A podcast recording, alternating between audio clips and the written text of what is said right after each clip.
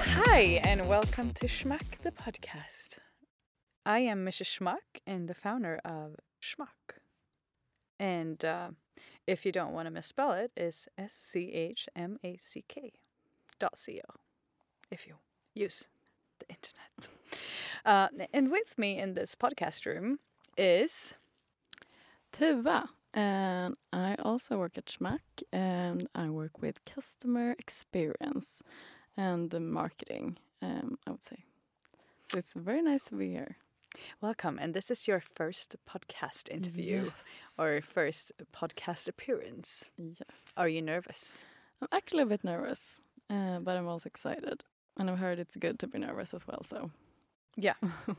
And also, this becomes a bit more tricky for us given that English is not our first language.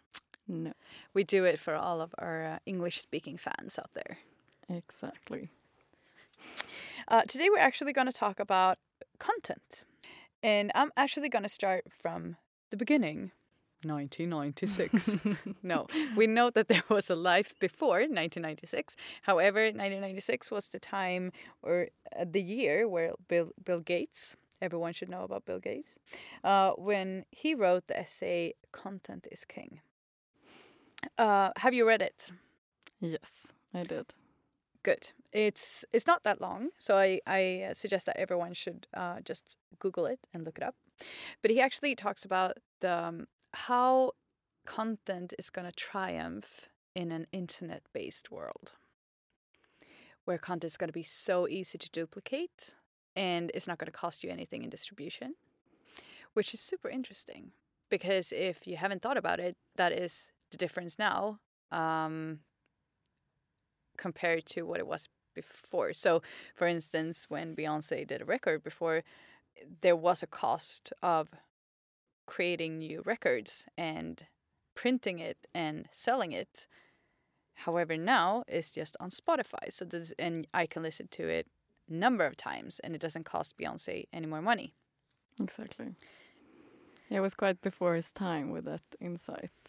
Yeah, he was smart already then. Already then. he had he had created some software and kind of Yeah, created that kind of Microsoft and everything, but, but he, he also wa were a visionary when it comes to content. Yes. Um, and when you think about how content then is translated into our digital channels, we have only like primarily then marketing, and we don't talk about games and we don't talk about music. We primarily talk about marketing.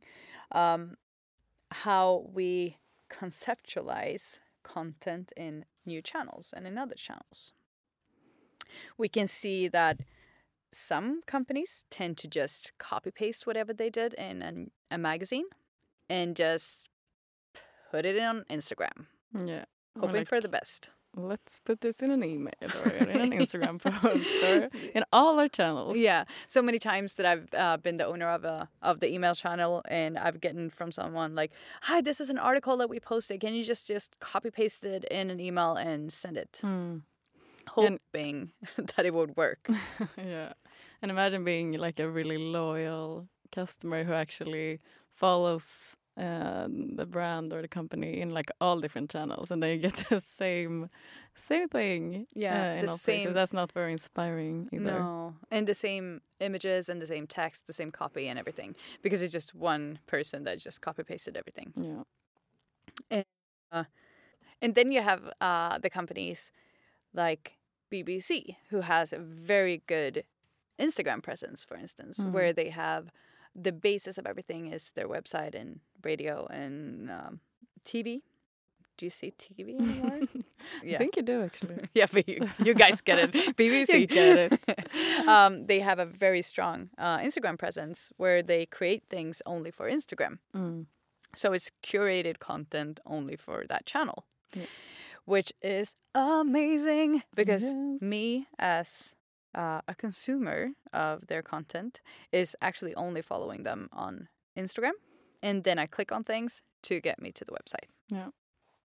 I think they're creating an amazing experience, Yeah, exactly. and the same goes for Vogue. Uh, On Snapchat. Oh, Vogue on Snapchat. if you don't follow, you should, uh, because that is where you can learn how Kim Kardashian is putting on her makeup, which is vital for everyone to know. Obviously. obviously. Uh, but the, the good thing with the Snapchat content is that it's impossible to find somewhere else. So you cannot go into their magazine and find it. It's only curated for that specific channel. Yes. I love it. Me too. And that is actually what uh, Bill Gates also wrote that it is not possible, or it will not be possible, or you shouldn't, or he doesn't recommend it. that is that is what I wanted to say. He doesn't recommend just duplicating the content into several different channels, because what you do when you, for instance, a magazine, when you take an article and you just post it in an email or you post it on a website, you actually uh, miss the interactive part of being online, Yes. and that brings me to emails. hmm The lovely emails. we hate them or we love them. We don't really know. no, we really don't know. Uh, because even though um, email is not the most appreciated channel in the world, it's actually one of the biggest channels that we have to communicate to, to customers. And we have great emails, such as pre sale emails, uh, where you have access to a sale that is not available online. Um, if you don't have this link that was distributed in this email which is great customer experience because then you had have a value of actually receiving this email. Um, the the problem is that the email itself is actually lacking interactive content. Is often static imagery, Yeah. text, and CTAs, hoping that the website that you're going to will um, have better content than the email that you came from. Exactly.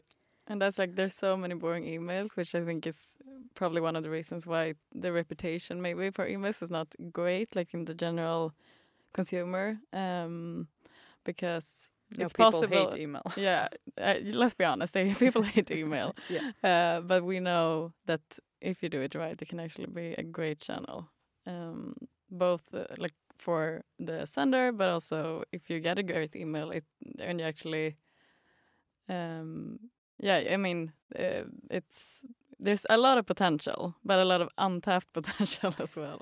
It's a lot of untapped potential. I think that what we need to consider when we talk about email is that there are some possibilities to actually make email a great channel in terms of customer experience. However, um, this is just a hypothesis. I really don't know why, but it's underdeveloped, I would Mm. say. If you compare it to a website where you can have interactive content based on when you scroll on a website. So if you scroll down, you can see that imagery are like being pulled in in different sections on the website and you can have video and you can click on things and you Mm. can have like hoovers shit uh, no not shit but hoovers and also and other things um, you, you don't get that in emails or previously you didn't Exactly, but things are changing yes finally. Yeah, finally things are actually changing. So we have some some things that we would like you to consider, which we think is amazing. We have Phrasee. Mm-hmm. And this is not we, we don't get paid to, to mention these companies. It's just for you to uh, get an understanding of what is actually out there. So we have Phrasee uh, that creates dynamic c- copy, Yeah, uh, content copy. exactly. where you can actually have inviting and exciting subject lines or other types of content upon arrival in email. So it can actually change, dynamically change when you uh, when people are interacting with the email. Exactly.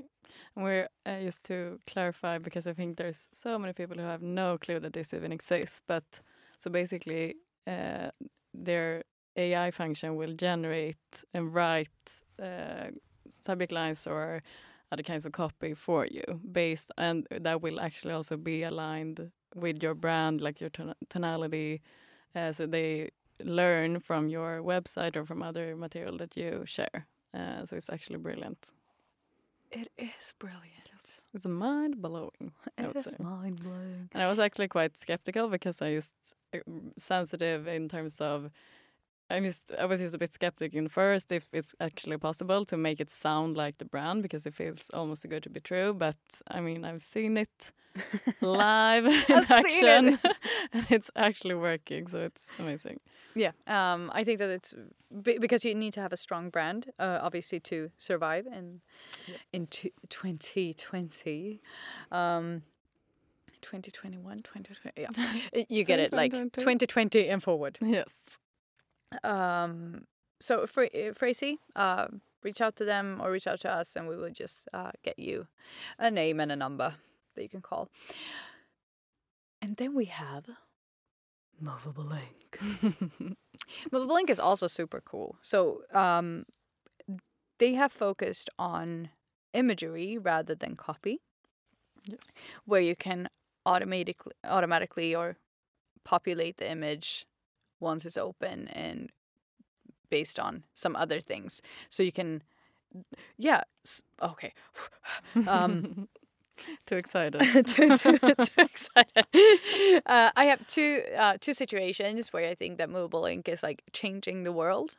One, a countdown timer for um, sale. So whenever you uh, open the email, the countdown timer will actually be correct. yes. Is it live?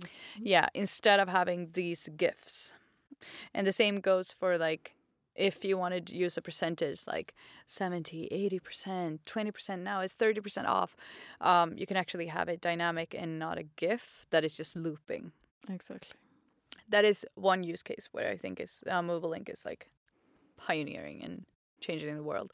Um, the other is when you actually open an email and it can detect where you are. Mm. So I think that when um, I started off with a use case with them for another client where we talked about having close to this store so you can get a discount if you go into the store Mm.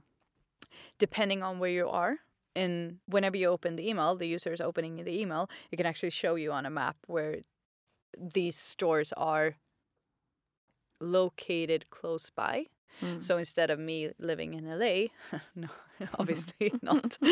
Um, but if I were to live in LA and Tua was living in New York, we Mm. don't get the same image exactly. uh, because it wouldn't make sense for us to know where the closest, I don't know, closest H and M. yeah. Yeah, I'm so Swedish using H and M as a reference. Yes. Uh, but uh, um, seeing the closest H and M in Seattle, for Yeah. And I think one other famous example that we talked about with Movable Ink is, um, yeah, um, for example, Burger King. Like if you're out walking and then you get a push notification saying like, "Oh, do you know like this restaurant is one minute away from you," and like you get a offer based on that. Um, so it's quite cool. Yeah. So yeah, just to, to clarify, it's not only email; it could be pushes or uh, that kind of message as well. Yes. Um, Yes. and it's Movable Ink with a K. And then we have Playable, Mm. which offers video that you can click on and actually view in, the email. it's like Finally. um, Yeah. and what I'm showing is like Mind blown. yes.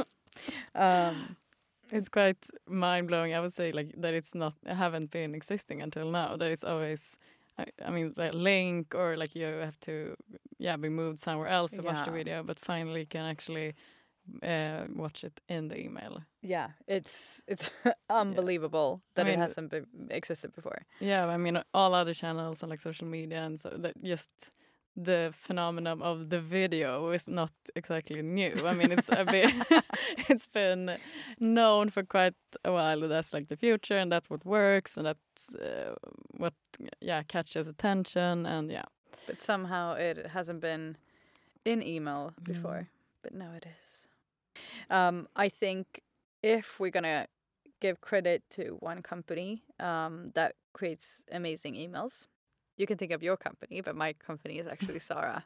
I think that they create amazing emails. Um, kudos to whoever are creating those. They have video, they have gifts, they have um, early sale. They they have all of these things that I think is a a good way of communicating via email, and they're not spammy. Yeah. No, I like them as well. I think they're doing a great job. Yeah.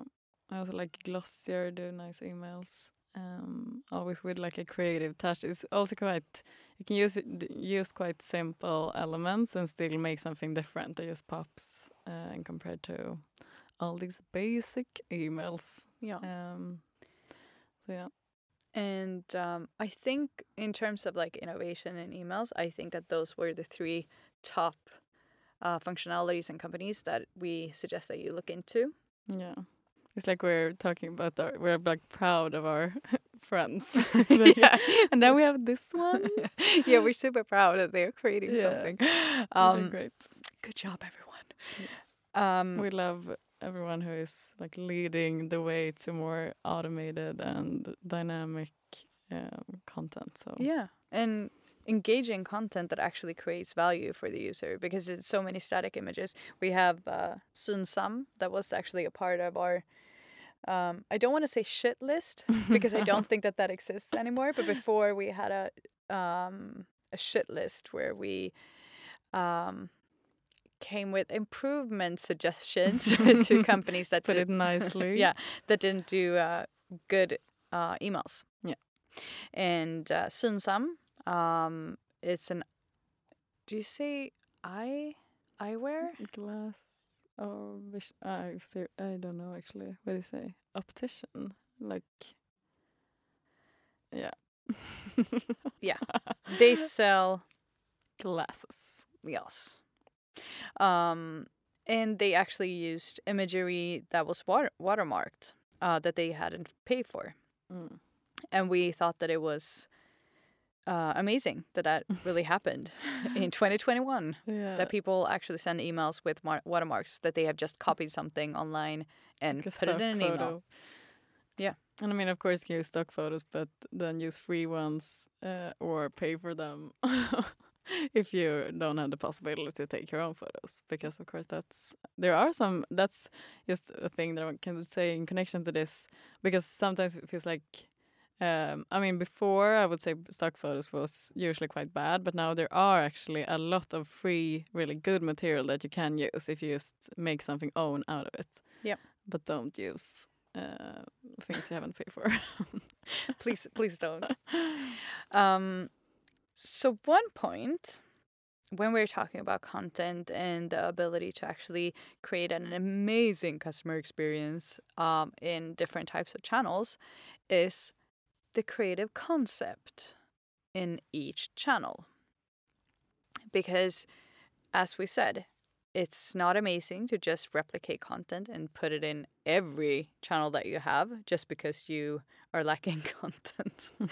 um, rather, conceptualize what do we want the Instagram feed to look like? What do we want our emails to feel like? What do we want our Snapchat to feel like? Or whatever other channel that you have to make sure that your customers are experiencing a coherent customer journey um, in all of the touch points that you are communicating to them with.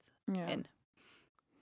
And I think that's the balance that it should be a difference between the content in the different channels because otherwise there's no reason for a customer to engage or even look into all of those channels. But at the same time, there has to be consistency uh, and make sense and like align with the brand. So that's like the uh, a balance there. Yeah. but it's very possible to do. It's very possible to do. And we believe in you yes. and your ability to create this. And if you need anything, please holla. Karl Schmack. Call Smack. Do you have anything to add to this episode? I mean, I guess there's so much more to say, but let's maybe save that for next episode. Thank you so much, Tua.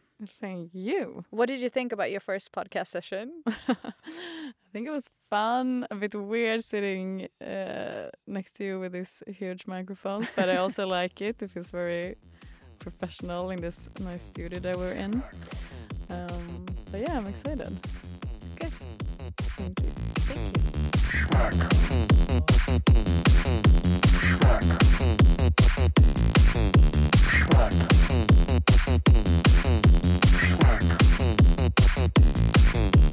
Black.